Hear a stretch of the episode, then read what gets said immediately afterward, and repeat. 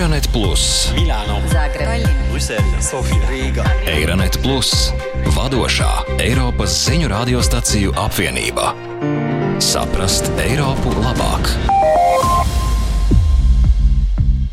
Sveiki! Šī ir kārtējā Euronet Plus Green Deal jeb zaļā kursa raidierakstu sērija. Eiropā pēdējos 50 gados zivju patēriņš ir dubultojies, pateicoties ar vien pieaugušajai izpratnei par to, ka ēst zivis ir veselīgāk un dabai draudzīgāk nekā uzturā patērēt gaļu. Taču tas ir novedis pie atsevišķu zivju sugu pārzvejas, bet nav palīdzējis uzlabot zvejnieku dzīves kvalitāti. Visā Eiropas Savienībā zvejnieki saskaras ar grūtībām, kas ir saistītas ar klimata pārmaiņām, zivju krājumu samazināšanos, piesārņojumu un enerģētikas krīzi. Šajā sērijā mēs aprunāsimies ar zvejniekiem visā Eiropas Savienībā, no Baltijas jūras līdz Atlantijas okeānam un no Vidusjūras līdz Melnajai jūrai. Savu ceļojumu sāksim ar Bulgārijas Melnās jūras piekrastes ciematu Čengene Skele, kur mūsu kolēģi no raicabiedrības BNR tikās ar vietējiem zvejniekiem Georgi Dimovu, Jeliju Popovu un Jāni Kostovu. Zvejniecība vairs nav tāds darbs, kāds tas bija agrāk. Tagad mēs to darām vairāk pienākumu pēc. Zivju daudzums samazinās. Tikai mīlestība pret jūru vēl liek mums turpināt. Mans dēls ir 40 gadus vecs. Viņš dodas zvejā tikai tad, kad viņam ir desmit dienu garas brīvdienas. Viņš atbrauc rudenī, kad var noķert lielas zivis. Ja tev ir ģimene, aizņēmums, kā tu vari strādāt, lai pabarotu ģimeni, nekādi. Kad mēs aiziesim, mūsu bērnu visu pārdos, ieradīsies atpūtnieki un zvejniecība izzudīs. Tik pesimistiski noskaņota nav Eiropas parlamenta deputāte no Bulgārijas Atidže Alieva Veli, kura ir pārliecināta, ka Eiropas Savienības rīcībā vēl ir instrumenti, lai atbalstītu zvejniecības nozari. Европейската политика в областта на рибарството. Eiropas Savienības zvejniecības politika aizsargā ilgtspējīgas ražošanas potenciālu un garantē pārtikas drošību. Protams, tas ir saistīts ar iespēju piedāvāšanu nozarē strādājošajiem, iespēju, kas nav maznozīmīgas. Es uzskatu, ka zvejniecības nozarē Eiropas Savienībā ir milzīgs potenciāls. По отношение на Европейския съюз като цяло е огромен. Lai gan atalgojums nozarei samazinās, zvejniecībai joprojām ir būtiska nozīme nodarbinātības un ekonomikas jomā vairākos Eiropas Savienības reģionos, jo īpaši Spānijā, Grieķijā un Itālijā, kur kopā tiek nodarbināti 62% zvejsaimniecībā strādājošo. Dažās piekrastes kopienās zvejniecība nodrošina līdz pat pusei no vietējo darba vietu. Jau kopš pirmsākumiem Eiropas Savienības kopējās zivsaimniecības politikas viens no pamatuzdevumiem ir zivju krājumu ilgspējīga pārvaldība un jūras vides aizsardzība. Polijas radio vaicāja Pasaules dabas fonda Polijā jūras ekosistēmu aizsardzības speciālistei Justīnai Zeihovskai, ko tas īsti nozīmē. Przede wszystkim rybołówstwo zrównoważone to powinno być rybołówstwo realizowane zgodnie z prawem. Ilgtspējīgu zveju raksturo tas, ka to veids izmantojot stabilas, veselīgas un bagātīgas zivju vai citu jūras organismu populācijas, un tā, lai pēc iespējas mazāk negatīvi ietekmētu citus jūras ekosistēmu elementus. To var īstenot dažādos veidos, piemēram, pie zvejas rīkiem piestiprinot ierīces, kas novērš vai samazina citu jūras dzīvnieku nejaušu nozveju. Ir dažādi atbaidīšanas līdzekļi, piemēram, tā sauktie pingeri, kas paredzēti vaļveidīgo dzīvnieku atbaidīšanai, piemēram, Baltijas jūrā. Šādus pingerus izmanto uz tīkliem dažādās aizsargājumās jūras teritorijās, lai atbaidītu cūkdelfīnus no bīstamiem tīkliem, lai tie nesapītos šajos tīklos. Tas nozīmē, ka ir risinājumi, lai zveja mazāk negatīvi ietekmētu jūras dzīvo dabu. Šī ilgspējīgākas zivsaimniecības politika ietver vairākus citus pasākumus, arī zinātniski aprēķinātas nozvejas kvotas, flotes apmēru ierobežojumus un zivju izkraušanas kontroli. Bez pielāgošanās jauniem noteikumiem Eiropas zvejniecības uzņēmumiem arī ir jārēķinās ar klimata pārmaiņu ietekmi, jo īpaši ar ūdens temperatūras paaugstināšanos. Mūsu horvātu kolēģis Dražens Zima tikās ar zvejniekiem, kuri ķer lomus Adrijas jūrā, kur pēdējos 60 gados ūdens temperatūra augstākajos 20 metros ir pieaugusi par 1,8 grādiem pēc Celsija. Viens no zvejniekiem, Milans, norāda, ka dažu sugu zivju skaits pēdējos gados ir pieaudzis, pateicoties stingrākiem piesardzības pasākumiem un nozvejas kvotām, taču izmaiņas ūdens temperatūrā un invazīvās sugas ir radījušas jaunas problēmas. Ha, pa neke invazivne vrste zbog zatopljenja mora su se pojavile, dio ove autotone vrste, tako ih nazovimo, su nestale. Dažas invazīvās sugas ir parādījušās siltākas jūras dēļ, un dažas vietējās sugas ir izzudušas. Kalmāru vairs nav, un garneļi pie džabu Amerikas salas kļūst arvien mazāk, kopš parādījās tās sasodītās zāģveida garneles. Visur, kur ir parādījušās zāģveida garneles, ir izzudušas garneles. Abas ir maitēdāji un garneles ir palikušas bez barības. Es neesmu īsti pārliecināts, kas notiek, vai tas ir saistīts ar jūras sasilšanu vai ar zāģveida garneļu parādīšanos, bet es zinu, ka jūras ūdens temperatūra ir pieaugusi. Jūra ir daudz siltāka nekā agrāk, un arī gada laiki ir mainījušies mainījušies. Pirms decembra nav augstu dienu, agrāk bija citādāk. Augstais laiks iestājās septembrī un saglabājās līdz aprīlim. Tako da te vrste vjerovatno nestaju s toplinom mora, to im ne paše. Šta im točno ne paše, to ne bi znali. Situācija nav daudz rožaināka arī vidusjūrā, stāsta jaunā zvejniece Antonella Donato no Sicīlijas. Viņa kopā ar māsu pārņēma ģimenes zvejsaimniecību. Antonella sarunājās ar Radio 24. Allora, la pesca al pesce spada con l'arpione, quindi effettuata con le felughe. Klimata pārmaiņu dēļ zobenzivis vēlāk sāk pāroties, bet ne tikai zobenzivis. Mēs šo jautājumu apspriedām ar biologiem, un viņi pastāstīja, ka gandrīz visas sugas pārojas vēlāk. Per lui 3 metri sono Nulla. Arī akvakultūras nozarē situācija nav labāka, stāsta Ungārijas starpprofesionālās akvakultūras un zivsaimniecības organizācijas valdes loceklis Ferenc Adams.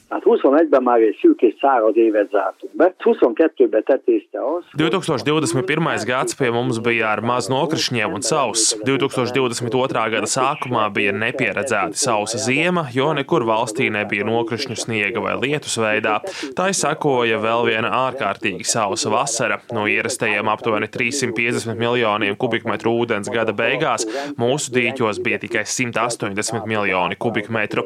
Diemžēl pēc tik nelabvēlīgiem laikapstākļiem mēs piedzīvojām tādus ražas zudumus, kādi Ungārijas zivsaimniecībā ir ļoti rēti sastopami. Aptuveni 30% līdz 35% zivju, kuras vajadzēja iegūt, netika iegūtas. Neraugoties uz Eiropas Savienības centieniem labāk pārvaldīt zivju krājumus, kopējās zivsaimniecības politikas ietekme šajā ziņā ir nepietiekama. Pat labam vairāk nekā 40% zivju krājumu Atlantijas okeāna ziemeļaustrumos ir pārmērīgi izmantoti, tāpat kā 3 ceturdaļas zivju krājumu Baltijas valstīs. Protams, nepalīdz arī tas, ka zivsaimniecības politikas ieviešana bieži vien ir nepilnīga un trūkst regulāru ziņojumu par zivju stāvokli jūrās. Taču apdraudēti nav tikai zivju krājumi. Nevalstiskās vides aizstāvju organizācijas regulāri nosoda atsevišķu zvejas paņēmienu ietekmi uz bioloģisko daudzveidību kopumā. Laikā no 2022. gada decembra beigām līdz 2023. gada februārim Francijas piekrastē vien tika atrasti vairāk nekā 400 izskaloti miruši delfīni. Šo pārmērīgo mirstību izraisa grunts traļu izmantošana. Eiropas Savienība plāno līdz 2030. gadam ieviest aizliegumu grunts traļu izmantošanai visās aizsargājamās jūras teritorijās. Tikmēr daži jaunie zvejniecības profesionāļi jau pārdomā savus zvejošanas paņēmienus. Antonella Donato, kuru dzirdējām iepriekš, izmanto tradicionālās laivas un rāmju tīklus. Viņa un viņas māsa apvieno zveju ar zvejniecības turismu, piedāvājot apmeklētājiem iespēju no jauna atklāt senās jūrniecības tradīcijas. Il risultato del cambiamento climatico è il fatto che adesso il pesce spada. Zobenzivju zveja izmantojot harpūnu ir ļoti ilgtspējīga. Ne tikai pēc mūsu, bet arī pēc Eiropas Savienības un ministrijas domām. Tas ir ilgtspējīgi, jo, kā jūs redzēsiet, ja dosieties ar mums laivā, mēs atstājam dzīvnieku tā dabiskajā stāvoklī. Mēs neizmantojam rīkus, lai to atrastu vai dezorientētu. Mēs neieejam tā dzīvotnē, neizslēdzam dzinējus un nemēģinām slēpt savas laivas. Mēs esam pilnībā redzami zivīm. Un es vēlreiz atkārtoju, ja jūs uzkāpsiet uz laivas kopā ar mums, jūs redzēsiet, ka visuzmanīgākie dzīvnieki, dzīvnieki ar labiem izdzīvošanas instinktiem, zina, ka mēs tur esam. Zobenzivs ir grunzivs, kas dzird dzinēju troksni un tad redz ēnu, kurai pēc brīža sāk sekot. Tā apzinās briesmas. Turklāt mēs nevaram sasniegt tās dzīvotni, ja tā ienirst tikai trīs metrus dziļāk. Mēs to vairs nesasniedzam. Un zobenzivī trīs metri ir nekas. I cambiamenti della natura Vai varam teikt, ka Eiropas zvejnieku nākotne ir saistīta ar dzīvesveida un tradīciju uzturēšanu? Tā uzskata biedrības mazjūras zvejnieki priekšsēdētājs Andris Cīrulis, kurš sarunājās ar Latvijas radio. Piekrastē pie nozvejas apjoma, kas ir piekrastes zvejniekiem. Nu, tad darbība ir jādažādo. Jo, kā teikt, Latvijas iedzīvotāji arī vispār cilvēki ļoti kāro to vietējo zivtiņu. Un, un lai tas piekrastes zvejnieks varētu izdzīvot reāli, tad ir katram zvejniekam, tie, kas vēl ir palikuši, kas ir pauģi zvejnieki, vajag maz ražotnīt un paplašinot vispār darbības sfēru, ir jāpiesaist turismu. Demonstrē vai, vai, vai, vai kur cilvēku var atbraukt pie piekrastes zvejnieku, nu apskaties viņu dzīvi vai gan zivtiņas piekrastes ciemiem, tā ir ļoti liela nozīme. Tā arī dzīvības saglabāšana piekrastē. Labi, vasarā dzīve kūsā, turistu visu apglodot, bet ziemas periodā, rudeņos tās zvejnieka vecās, kā teikt, saimniecības, tās tomēr ļoti pastāvīgi dzīvības pie jūras ciemos. Arī zivsaimniecības nozare ir smagi cietusi no straujā enerģijas un degvielas cenu pieauguma, kas mūs visus smagi skāra 2022. gadā. Daudzi zvejas kuģi, jo īpaši tie, kas darbojas mazapjoma zvejā, bija spiesti palikt ostās. Ņemot vērā visus sarežģījumus, mazā un tradicionālā piekrastes zivsaimniecība bez papildu atbalsta neizdzīvos vai nespēs ievērot nepieciešamās ilgtspējas prasības, uzskata rumāņu zvejnieks Sorins Meneile. Viņš Rumānijas radio izteica viedokli par to, ko Brisele var darīt, lai palīdzētu. E bine că se pune această problemă la nivelul Uniunii Europene. Ir labi, ka šis jautājums tiek aktualizēts Eiropas Savienības līmenī. Kas zvejniekiem ir vajadzīgs? Pirmkārt, viņiem ir vajadzīga infrastruktūra, vieta, kur viņi var noankurot savas laivas, kur izkraut zivis un tās pārdot. Otrakārt, ja mēs runājam par tradicionālo zvejniecību un mazapjoma piekrastes zveju, mums jāsaprot, ka Rumānijas zvejniekiem nav kapitāla, nav naudas. Jūs nevarat atnākt pie zvejnieka un teikt, hei, klausieties, jūs varat pieteikties Eiropas finansējumam 100 tūkstošiem eiro, bet jums pašiem ir jāsamaksā 50 tūkstoši eiro, kā arī jāsamaksā PVN. Nē, tas viss ir nepareizi. Šī infrastruktūra būtu jābūvē valstī un Eiropas Savienības fondiem būtu jānosaka ļoti nelielas līdzfinansējuma prasības, tikai 10% vai maksimums 20%, kas tiek gaidīti no pašiem zvejniekiem. Jo zvejnieks nevarēs sevi finansiāli uzturēt no nozvejotajām zivīm un vēl ieguldīt desmitiem tūkstošu eiro eiro. Tā ir liela problēma, un patiešām viņi izzudīs, ja viņiem nebūs vietas piekrastē, kur turēt savas laivas, ja varas iestādes padzīs viņus no izkraušanas vietām. Tā būs problēma. Mūsu pēdējā pieturvieta ir Lietuva, kur kolēģe no radiostācijas Žiniju radijas pievērsīs uzmanību atpūtas makšķerēšanai. Viņa ar Zvejas asociācijas vadītāju Martinu Počebutu apsprieda sistēmu noķer un atlaida kas paredz, ka pēc noķeršanas zivis ir ātri jānosver, jānomēra un jānofotografē, bet pēc tam tās dzīves ir jāatlaiž atpakaļ ūdenī.